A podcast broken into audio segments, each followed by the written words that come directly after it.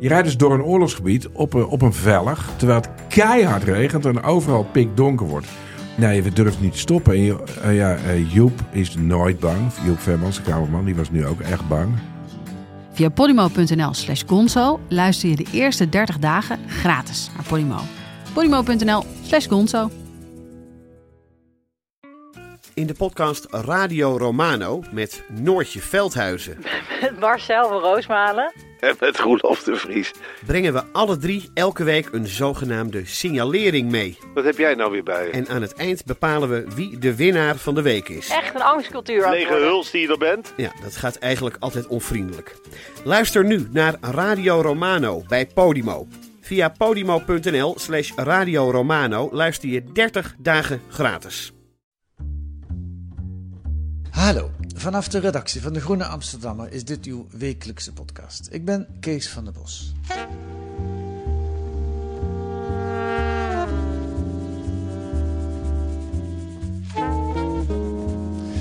Is het een probleem dat je meer kans hebt op een baan als je opgroeit in Amsterdam-Zuid dan in Heerlen?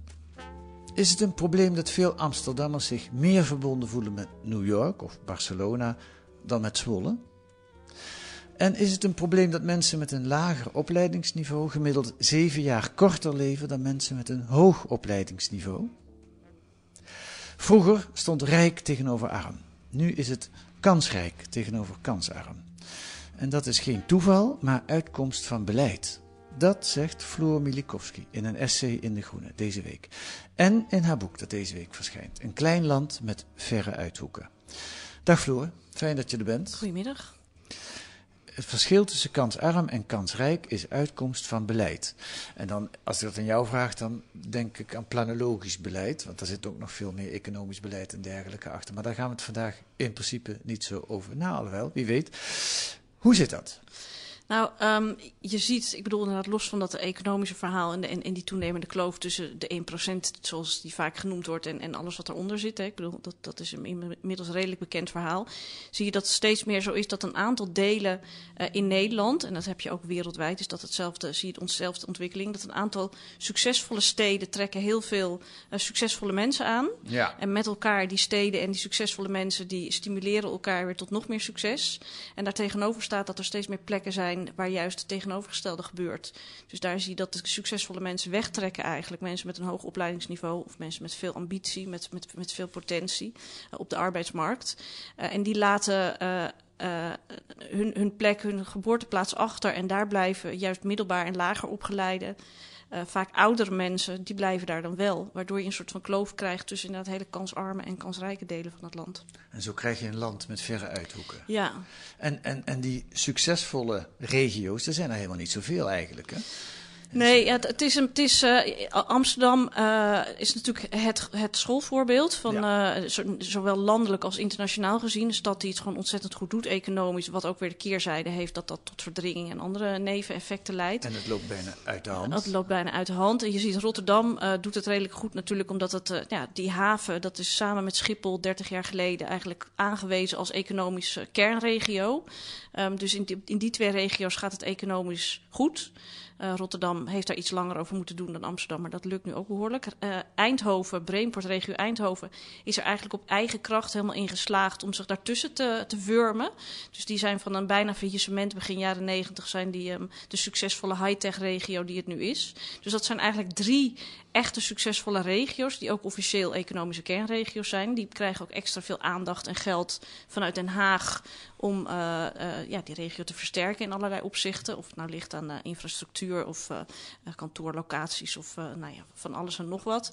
Ehm, en dan heb je wel een aantal steden. Utrecht is, het ligt natuurlijk zo dicht bij Amsterdam en doet het ook als dienstenstad heel goed. Dat gaat ook prima. En, en Groningen, de stad, is ook een eh, positieve uitzondering. Maar Ja, daarnaast zijn er dus. Ja. ja, zijn er dingen, plekken als Zuid-Limburg, Noordoost-Groningen, maar ook de Achterhoek, Zuidwest-Drenthe, Zeeuws-Vlaanderen, maar ook eh, de kop van Noord-Holland. En, en ook, daar, ook binnen, eh, in het binnenland hoor, heb je ook delen die gewoon best wel aan het wegzakken zijn. Delen van Brabant ook. Dus je ziet dat je een aantal hele succesvolle grote steden hebt. Dan heb je ook een aantal wat dorpen die ja, aantrekkelijk zijn om te wonen en dus goed meedoen. Maar er is een heel groot ja, tussengebied ook, waar het eh, ja, een beetje schipperen is. Ja.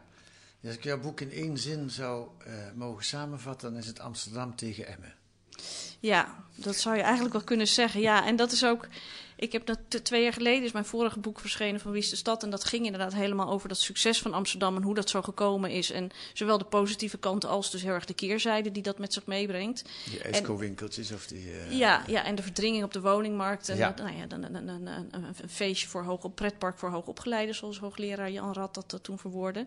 En ik wist eigenlijk toen al dat, het, dat ik aan mezelf verplicht en het onderwerp verplicht was om ook dit volgende boek te schrijven. Omdat het hangt zo nauw met elkaar samen. Ik bedoel, het succes van Amsterdam Amsterdam, dat is ten koste gegaan eigenlijk van het welzijn en de welvaart in andere delen van het land. Amsterdam is zo'n magneet geworden voor uh, ja, hoogopgeleide kenniswerkers of hoogopgeleide ondernemers, creatievelingen uit het hele land.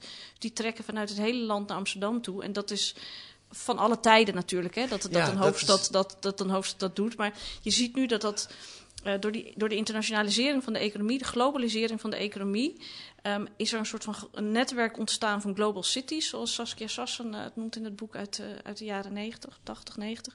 Um, dus wat je net al zei, Amsterdammers voelen zich meer verbonden vaak met, met, met New York of Londen of Barcelona dan met Zwolle. Dat komt omdat er zo'n heel dominant internationaal economisch netwerk is ontstaan ja. met van die grote steden. Daar maakt Amsterdam uh, deel van uit, niet in de top, maar wel echt in de subtop van die steden. Amsterdam is in heel veel opzichten heel nauw verbonden met die steden. Dus iemand die werkt op de Zuidas, die gaat voor meetings naar Shanghai en Singapore en New York. En die vliegt voor zakenreisjes hier en daar. Maar die loopt ook stage nog daar en nog eventjes een jaartje daar. Ik bedoel, en niet in Zwolle, zou ik maar zeggen. Dat, dat, dat dus niet. En je ziet dat Amsterdam eigenlijk losgezongen een beetje aan het raken is van de rest van het land. En dat het beleid nog steeds heel erg gericht is op dat versterken van Amsterdam ook. Hè? En, en dat verknopen van Amsterdam en Rotterdam met die internationale economie. Maar we zijn vergeten om te zorgen dat de welvaart die gecreëerd wordt in die kernregio's, om die welvaart goed te verdelen over de rest van het land. Ja, dus heb ik, er gaan er twee vragen door mijn hoofd. Uh, uh, ik kies voor de ene. Wat, wat mij opviel toen ik jouw boek las, en ook het essay, uh, is dat het wel eens anders is geweest. Er zijn uh, niet zo gek lang geleden waren er tijden dat mensen wegtrokken uit die vieze steden en juist uh, op het platteland gingen wonen. Ja. Jaren 60, jaren 70 nog. Ja. wat was dat voor beweging? Nou, de, de steden waren toen heel erg, steden als Amsterdam, Rotterdam, die waren heel erg vervallen en, en, en, en verloederd aan het geraken. Verloederd, verloederd echt, hè? Ja. ja. zo heet het, verloedering van de steden. Ja. ja, dat waren fabrieksteden echt. Ook Amsterdam, je kan het je bijna niet meer voorstellen. Maar dat was natuurlijk echt een havenfabriekstad heel lang. Dus zat de industrie ook in de stad? In de stad. Ik ben opgegroeid in de Watergasmeer. En wij hadden gewoon de, de oude gasfabriek. Dat was toen niet klein. was gewoon een melkfabriek. Dus daar reden er gewoon de melkunie uh, uh, vrachtwagens reden daar af en aan. En nu is het een hotspot voor de creatievelingen. Nu is het een hotspot voor de creatievelingen. En je ziet inderdaad dat er destijds dus deels ontstond, die, die, die steden waren vies. Toen kwam ineens de auto kwam op en mensen hadden iets meer geld. En toen bedachten we het idee, oh, we gaan allemaal suburbs bouwen. Zowel aan de randen van de stad als bij groeikern als Purmerend en Nieuwegein en Emmen eigenlijk ook. Hè. En daar gaan de mensen nog fijn... Emmen, ja. ja. daar gaan ze fijn in het groen in een doorzonwoning gelukkig zitten zijn. Hè. Ja. En dat waren mensen ook best een tijdje. En dat is heel gestimuleerd ook vanuit de Rijksoverheid. Hè, want die dachten ook wie... En dat was een wereldwijde trend. En iedereen dacht, waarom zou je nog in zo'n vieze oude stad gaan wonen... als je ook in Almere kan zitten, hè, of in, in de suburbs van uh, Washington D.C. Want daar heb je gewoon twee auto's voor de deur en, uh, en een tuin. Echt, wat wil je nog meer? En nou de hamvraag, waarom is dat veranderd? Waar, waar is die omslag door veroorzaakt? Ja, die, het was, dus dat beleid is destijds geweest om dat te spreiden. En tegelijkertijd is toen heel erg bewust uh, beleid geweest na de Tweede Wereldoorlog om kansarme economische regio's te versterken. Dus Emmen is helemaal opgepompt door de Rijksoverheid als industriestad. Hè. Ik bedoel, dat is niet organisch ontstaan. Maar die kregen ook veel meer steun. Die, die kregen heel veel steun en, en subsidies. En, en, bedrijven kregen subsidies en steun om, uh, om, om, om, om hun filialen of hun vestigingen te openen in Emmen. En je zag dat ook bijvoorbeeld in Delfzijl. Daar is een enorme haven uit de grond gestampt door de Rijksoverheid. Omdat er zout gevonden was in de, in de grond daar. En men dacht helemaal, dit wordt het helemaal. En dat was ook bedoeld, echt bewust vanuit het idee... dat moeten we geen kansarme regio's zijn. Zeker, dat was een heel bewust beleid. Dat was een heel sociaal-democratisch tijdperk was het natuurlijk uh, in, in, in hoe we dachten. Heel, het ging heel erg over nou, je solidariteit eerlijk delen. Samen zullen we, uh, kunnen we de wereld aan. Toen zag je ook, uh, dat, dat hebben we daarna nog gehad, die spreiding van Rijksdienst. Hè, de PTT ja. die naar Groningen ging, het CBS naar Heerlen. En heel veel van dat soort... Dat had iets lachwekkends. Had maar... iets lachwekkends, maar het was met hele goede bedoelingen. Het is niet een heel goed succes geworden in de zin dat het geen economische dynamiek heeft gecreëerd. Maar het leverde wel gewoon simpelweg banen op, op die CBS plekken. zit nog steeds in Heerlen Zit er nog steeds. PTT zit niet meer in, eh, in Groningen. En er zijn veel meer. De afgelopen jaren zijn er veel meer van dat soort diensten terug naar de Randstad verhuisd. Omdat Ja. het te veel geld kostte voor Den Haag. eh, om dat allemaal zo in stand te houden. Mhm. Maar de omslag is geweest omdat de economie zo ontzettend is gaan, gaan globaliseren. Waardoor alle landen steeds meer met elkaar moesten gaan concurreren. Wacht binnen even, die... dat is gewoon vanzelf gegaan in de jaren 70, 80. Ja, de jaren 80. We hebben natuurlijk die hele, dat hele ne- neoliberale markt, eh, kapitalistische denken over we moeten gewoon die vrije markt. Gewoon Ja. geef die vrije markt alle ruimte. Dus alle handelsbarrières wegnemen, eh, grenzen wegnemen als, als barrière. Dus zorgen dat mensen en geld en ideeën en kennis en goederen vrij en blij konden de wereld rond konden. Zodat we als wereldbevolking steeds meer welvaart en geld en, en, en, en geluk konden creëren. En we moeten niet als overheid zeggen, daar moet het ontwikkelen en daar moet het ontwikkelen. We moeten het, de markt stimuleren. Nou ja, het idee was toen heel erg, dat begon met, met Lubbers in eh, eh, begin jaren tachtig. Eh, heel erg het idee van, oké, we moeten als Nederland moeten wij dus inderdaad onszelf, om, om, wel, om de economie te laten groeien en om dus welvaart te creëren in Nederland, moeten we dus eh, op zoek gaan naar onze eigen specifieke kracht als, als nationale economie. Hoe kunnen wij ons profileren ten opzichte van Duitsland, Frankrijk, Engeland of wat dan ook. Ja, en belangrijk om te vermelden is, was, Nederland zat ook in het slop. Hè? Nederland zat ging heel erg in het heel slop. slecht. Ja. Ik was toen werkloos, afgestudeerd en met Ja. mij honderdduizenden mensen. Een Heel baan veel anderen. krijgen zat er niet in. Nee, het was, en, en Nederland liep daarin achter met. eh, Frankrijk bijvoorbeeld slaagde er sneller in om die omslag naar een diensteconomie te maken dan, dan Nederland bijvoorbeeld. En andere landen ook. En Nederland was heel erg aan het worstelen. Enorme eh, overheidsuitgaven hadden we, enorme staatsschuld. We hadden een Ja. hele grote overheid. En dat maakte eigenlijk een hervorming van onze economie moeilijk. Uitkeringen hingen als een lode last om eh, Ja. onze nek. Ja, en, en, en, en toen is op een gegeven moment de commissie Wagner gekomen. Gerrit Wagner, Ja, eh, dat is een belangrijk, Shell. ja, dat is een belangrijk punt. Hè. Dus op zich al een teken van de tijd dat je zegt om het probleem op te lossen. Vragen we niet een dominee of een cabaretier, maar we vragen Gerrit CEO van, C- eh, ja, van CEO van Shell. Shell, want die, eh, die weten Die het. weet hoe hij goede ja. geld moet verdienen. En verdomd, hij wist het ook. Hij wist het ook. Hij zei saneren, bezuinigen. En Ja. don't, pick the, don't back the losers, but pick the winners. Ja, dat is een hele belangrijke zin. Ja, dat stond er letterlijk in. Hè? Dat, ja, dat was een hele, dat heeft hij, heeft hij echt gezegd. En eh, daarmee bedoelde hij heel erg vergeten, of laat los dat idee van je moet de kansarme regio's eh, en de kansarme sectoren eh, ondersteunen. Maar verander je beleid en zet helemaal in op die kansrijke delen en die kansrijke sectoren. En ga met die sectoren eh, de boer op en ga daarmee inderdaad je eigen eh, eh, nationale economie zo Dus, goed mogelijk laten functioneren. Ja, weg met Emmen, leven Rotterdamse haven, leven Schiphol. We moeten groot worden in de wereld. Ja, ja zeker. En, en er waren twee, dat, dat Schiphol en de haven, er waren twee dingen. Ten eerste was het het verknopen van, van Nederland met die internationale handels- en passagiersstroom. Hè, dus gewoon echt, en ten tweede was het gewoon puur een werkgelegenheidsdingetje. Dat we dachten, als wij nou een distributieland worden, Nederland distributieland, dan is daar gewoon eh, allerlei werkgelegenheid in. Inderdaad, in eh, of het nou eh, bagageafhandeling of goederenverwerking. Of Rotterdam natuurlijk enorm die goederenverwerking, of die, die, die verwerking van die olie en zo. Ja. Dus het was en dus gewoon puur, en dat zie je nog steeds bij Schiphol in de haven, het is gewoon en puur gewoon werkgelegenheid die daar ontstaat doordat al die goederen en die mensen daar aankomen. En dat we door via die haven en die luchthaven heel sterk verknoopt zijn met internationale netwerken. Ja, dus het neoliberale beleid, wat er al vaker in deze podcast langs is gekomen als de grote verschrikking van deze tijd, Ja. heeft ook planologisch zijn Zeker, zeker, zeker, zeker. En ik moet er wel bij zeggen hoor. Ik bedoel dat neoliberalisme, laten we duidelijk zijn dat, dat het veel te ver is doorgeslagen en dat het tijd is voor, eh, voor iets anders. Maar het, het heeft wel ertoe geleid dat Nederland van een aanmodderende Ja. eh, eh, economie die niet zo goed wist waar het heen moest, uitgegroeid is tot een van de meest krachtige, meest concurrerende economieën van de wereld. Dus dat is natuurlijk iets om eh, blij mee te zijn. Het heeft dus wel gewerkt. Dat Dat, heeft, eh, ja. dat advies van eh, meneer Wagner, Meneer die Wagner leeft heeft- niet meer, denk ik. Nee, hè? die leeft niet meer. Die is begin van, de, van deze eeuw volgens mij overleden. Oké.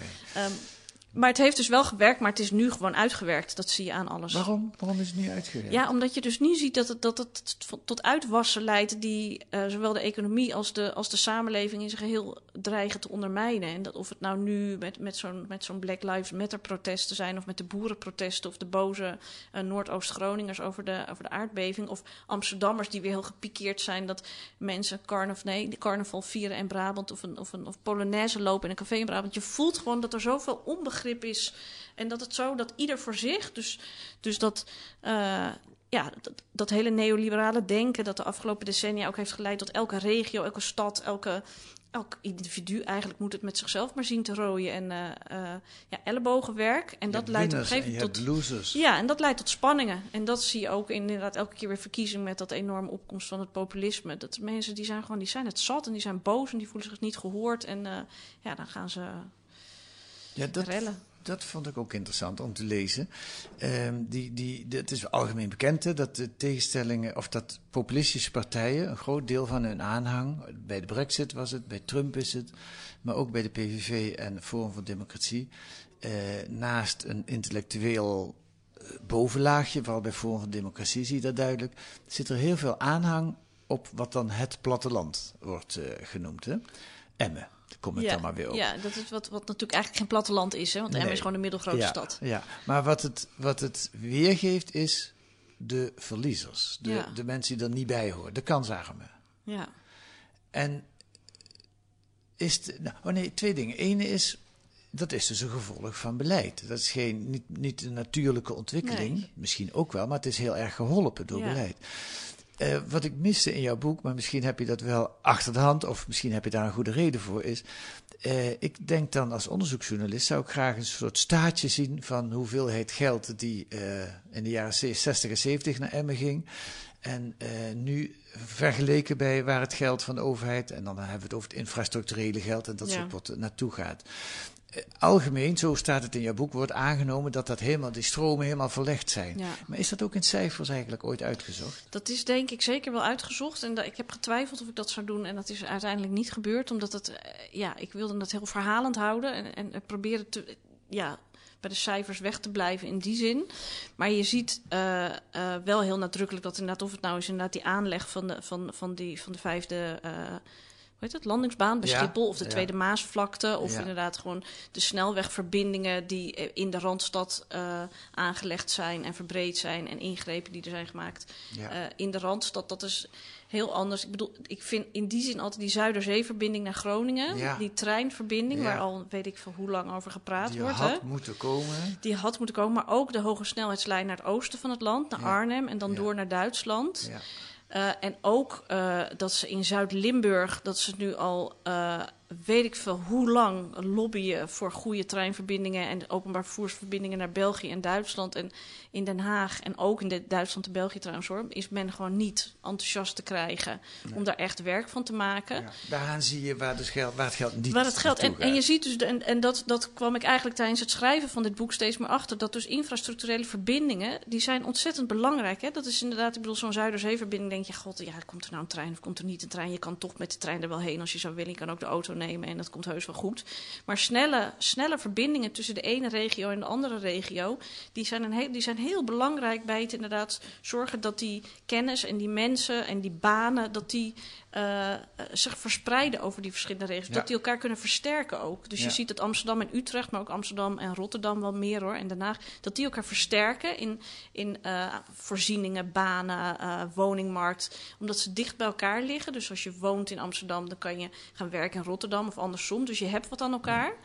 En eh, plekken die inderdaad op echt meer dan een uur, ruim meer dan een uur reizen van de andere plek liggen, dan heb je niks aan elkaar. Dus Nee. door het aanleggen van die verbindingen kan je heel erg profiteren van, eh, nou ja, van elkaars kwaliteiten. Borrowed size noemen ze dat in de vakwereld. Borrowed size. Ja. Ehm, wat het ook illustreert, ik haal wat getallen uit jouw boek. Eh, in Emmen is de grondprijs 1881 euro per vierkante meter.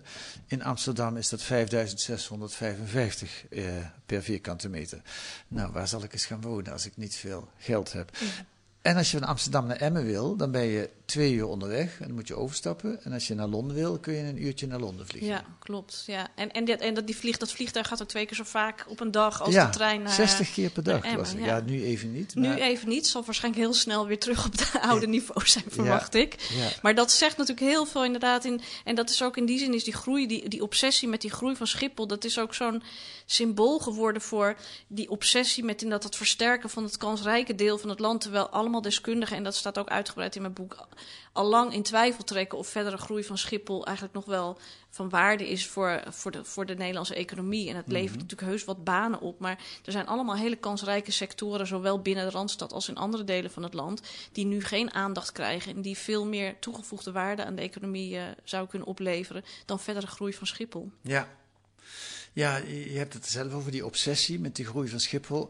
Eh, eh, zie jij, bedoel, je, je bepleit veranderingen. Eh, en je zegt ook binnen bepaalde kringen is dat, eh, eh, wordt dat met, met graagte gehoord en, en, wil men dat ook. Maar zie jij in de politiek ook signalen dat dat gaat veranderen? Ja, zeker wel. Ik, je- ik merk dat het, wat ik wel veelzeggend vond, is dat er onlangs een motie is aangenomen in de Tweede Kamer om weer minister van Vrom in het volgende kabinet te laten terugkomen. Dus minister van Volkshuisvesting, Ruimtelijke Ordening en Milieu. Die zijn we kwijt, hè? Die is kwijt. Die was heel lang wel. Het was eerst, eh, ja, ja, die was heel lang. Toen is ze teruggebracht naar minister van Wonen. En toen heeft Stef Blok, onze laatste minister van Wonen, heel trots gezegd: in het volgende kabinet hebben we geen minister van Wonen meer nodig, want de markt heeft het allemaal overgenomen. Nou, nu heeft Kajsa Ollongren wonen onder zich en dat, daar is ze zelf niet blij mee. Ehm, dus daar doet ze ook nog eens niet heel veel mee. Ik bedoel, ze doet heus wel dingetjes hoor, maar niet, eh, niet met, eh, met passie en toewijding. Er is niet Dus- zo heel veel beleid te Nee, zien. en ik merk heel erg in de vakwereld, en dat zijn ook veel mensen die, die- ook die langer al meelopen en die die tijd eind jaren tachtig hebben meegemaakt, ook heel bewust toen er nou ja, de behoefte was aan een nieuw verhaal dat, dat leidde tot dat verhaal waar we nu eigenlijk nog steeds in zitten. Dat, eh, dat, dat eh, don't back the losers, but pick the winners. En dat is een ruimtelijke vertaling daarvan. Je proeft gewoon heel erg dat er eh, ook trouwens vastgoedmensen, projectontwikkelaars, gemeentes, ambtenaren. Dat er behoefte is aan iets van houvast. Want iedereen is nu. Ja, probeert het op zijn eigen manier wel op te lossen. Maar niemand weet eigenlijk welke kant men in Den Haag in die zin op wil. Met die regio's of met verschillende sectoren of eh, met elkaar. En, en dat er is ook nog geen ander verhaal er eigenlijk. is geen ander verhaal. En Rutte is, is inderdaad een onwijze pragmaticus. En, en ik heb wel echt bewondering ook voor de manier waarop hij de dingen doet hoor. Ik bedoel, met, met feilloos gevoel voor de dingen weet hij inderdaad soort van te surfen op de golven van deze tijd. Dus dat doet hij ergens heel knap. Het is een onwijze vakman. Maar deze golf heb ik hem nog niet zien. Nee, dus, Treffen. dus je merkt wel dat hij natuurlijk ook met de dividendbelasting. Hè, en op een gegeven moment dat, heeft hij toch uiteindelijk ook een bakzeil gehaald. En op een gegeven moment heeft hij in plaats van de koek moet groter, heeft hij toch ook gezegd: we moeten de koek iets eerlijker gaan verdelen. Dus je merkt bij hem ook wel iets van verandering. Maar eh, het is misschien tijd om of, of Rutte het kan doen, of dat, dat maakt ook niet uit wie het gaat doen. Het moet ook vanuit de samenleving als geheel natuurlijk komen. Er moet een soort van collectieve ambitie weer komen naar inderdaad hoe we de economie eh, weer nieuw elan kunnen geven. Ook die, die duurzaamheid zit er natuurlijk ook heel erg in. Hè? En hoe we kunnen zorgen dat alle delen van dit land en alle geledingen van de bevolking daarvan kunnen profiteren. En dat ontbreekt nu. En die boosheid, ik bedoel, die, die boosheid bij die verkiezingen steeds. En of ik nou in Emmen was, nou, eh, of, of in inderdaad Noordoost-Groningen of in Zuid-Limburg. Je merkt dat mensen zo ontzettend zich in de steek gelaten voelen. Bestuurders daar die worstelen met hele. Weet je, of het nou krimp is waardoor je te veel woningen hebt en die moet je slopen, maar je hebt geen geld voor. En je krijgt van de Rijksoverheid bijna geen geld om te slopen, waardoor je leegstand krijgt en verloedering en verpaupering. Of dat je Zuid-Limburg bent en in Den Haag is gewoon geen enkele aandacht voor het feit dat de landsgrenzen om jou heen de economische ontwikkeling beperken. En niemand is bereid om daar zijn best voor te doen. Mensen zijn echt, echt boos en teleurgesteld. Die voelen zich zo in de steek gelaten. En ik merk dat dat gevoel, en daarom is ook daar heb ik dit boek geschreven. Men weet wel de cijfers, maar de oprechte emotie die erbij zit, daar hebben ze in Den Haag zo weinig besef van. En ja, je ziet nu in Amerika hoe explosief dingen kunnen zijn. En Nederland is absoluut geen Amerika en we zullen dit ook niet krijgen. Maar dat boerenprotest, los van de vraag of, of dat terecht was of niet... en of ze die hekken om hadden moeten rijden. Maar er is dus heel veel, ik voel me niet gehoord, dus ik ga rellen. En het zou wat- toch fijn wat- zijn... Wat heeft het boerenprotest nou met jouw verhaal te maken?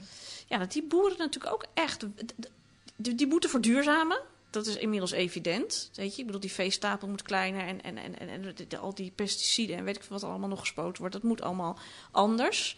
Maar waar het dan naartoe moet, wat ze wel moeten gaan doen. En daar heeft Floris Alkemaar onlangs ook een heel mooi boek over schrijven, geschreven. eh, de toekomst van Nederland. Geef mensen perspectief, weet je. Laat ze zien, oké, maar in ons nieuwe eh, Nederlandse economie... En, en, en hoe we dat ruimtelijk gaan indelen... hebben de boeren deze nieuwe mogelijkheden... en we gaan daar subsidie aan geven... zodat we die kant op kunnen. En dat past in een groter verhaal... waar we met z'n allen weer nou ja, een soort van stip aan de horizon... die iedereen weer nieuw elan geeft. Of die Ja. iedereen een nieuw toekomstbeeld geeft. we naderen weer het einde van deze podcast. Ik wil nog in één, op één detail ingaan. Kijk, er waren twee hotspots in Nederland die mij verrasten in jouw boek. Uh, niet, ik heb er wel eens van gehoord, maar dat ze hotspot waren. En, Groningen was dat en Eindhoven. En met name over Eindhoven wil ik het met jou hebben, omdat ik las in, in een hoofdstuk van je boek, en dat vond ik wel een grappig verhaal.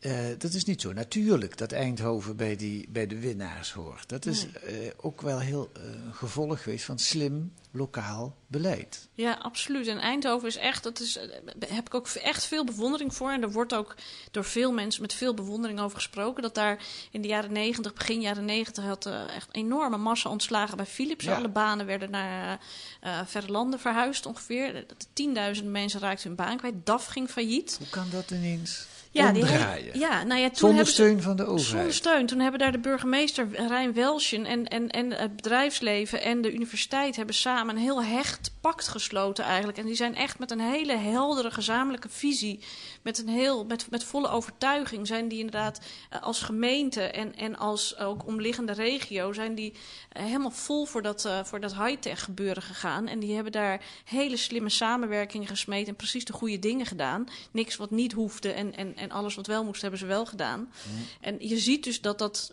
wel echt kan uit onderzoek ook van het Planbureau voor de Leefomgeving blijkt hoor. Dat beleid echt een hele wezenlijke functie heeft in het wel of niet behalen van, uh, van succes. En Emmen is eigenlijk daar een tegenhanger van. Ja. ja.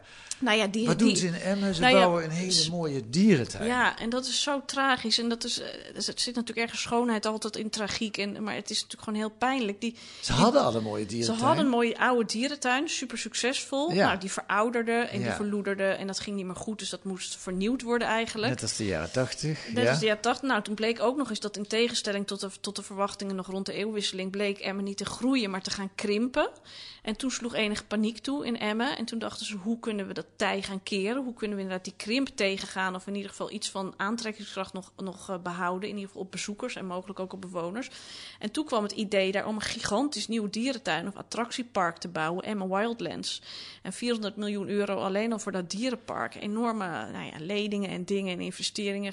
En, en, met de verwachting dat ze zouden kunnen concurreren met, met, Euro, met de Efteling. En zelfs met Euro Disney qua, qua kwaliteit en qua, qua Het bezoekersaantallen. is net als Eindhoven wel een stip op de horizon Het was zetten. absoluut een stip op de horizon. En er was enorme oppositie. Ze hebben er ook jaren over gedaan. De bewoners en de, en de oppositiepartijen die zagen het allemaal niet zitten. Verschillende adviesbureaus die zeiden dit gaat gewoon niet werken. Maar ze bleven volharden. En ze, zowel de dierentuindirectie als mensen als, als de gemeente, de wethouders en zo, die, die, die wilden het zo graag. Die dachten, dit is onze redding, onze enige redding, ons houvast eigenlijk. Dus dat hebben ze gebouwd. En die bezoekersaantallen vielen al eigenlijk na een jaar heel erg tegen. En nu heeft de gemeente is inmiddels volledig eigenaar uh, van de dierentuin geworden en draagt het volledige risico. En vervolgens moeten ze nu allemaal sociale voorzieningen moeten ze op bezuinigen, omdat ze... Um, Ja. ja, geen geld meer hebben voor die. Je kan niet alles als betalen. Je moet keuzes maken. En daar zie je inderdaad dat. Zeg maar, het is heel goed om een stip op de horizon te hebben, maar dat moet wel een realistisch uh, pad zijn dat je uitstippelt. En dan hele megalomane wanhoopspogingen, dat is meestal niet heel verstandig. Gaat allen naar Emmen, naar Emmen Wildlands. Zeker, het, zeker. Pracht, ben je daar eens geweest? Nee, ik, wil, ik ga binnenkort. Ik ga binnenkort. Ik ben ook niet in die oude dierentuin, ben ik ook niet geweest. Maar alleen al om ze, om ze uit de put te helpen, Precies. moeten we daar met z'n allen naartoe gaan. Ja, lang leven Emmen. Uh, Floor Milikowski, uh, dankjewel voor Graag dit gedaan. gesprek. Uh, te lezen in De Groene deze week. En in je boek dat deze week uitkomt. Hoe ga je dat presenteren eigenlijk? Ja, niet. Uh, het, het, het, ligt vandaag in de winkel. Oh. Ja, nee, het ligt, ik heb even bij Scheltema gekeken, maar het ligt terecht. Ja, heb je het ook stiekem een beetje hoog op te staan? Ja, ik heb gezegd, leg je het wel overal neer. Dus ik hoop dat ze dat ook doen. Dus we dachten nog online, maar ik hou niet zo van al dat online. Dus, dus er komt in ieder geval een online ding bij de Bakkers de Zwijger. En eind augustus in de Bali een echte avond. Een klein land met verre uithoeken. Ongelijke kansen in veranderend Nederland. Dankjewel. Graag gedaan.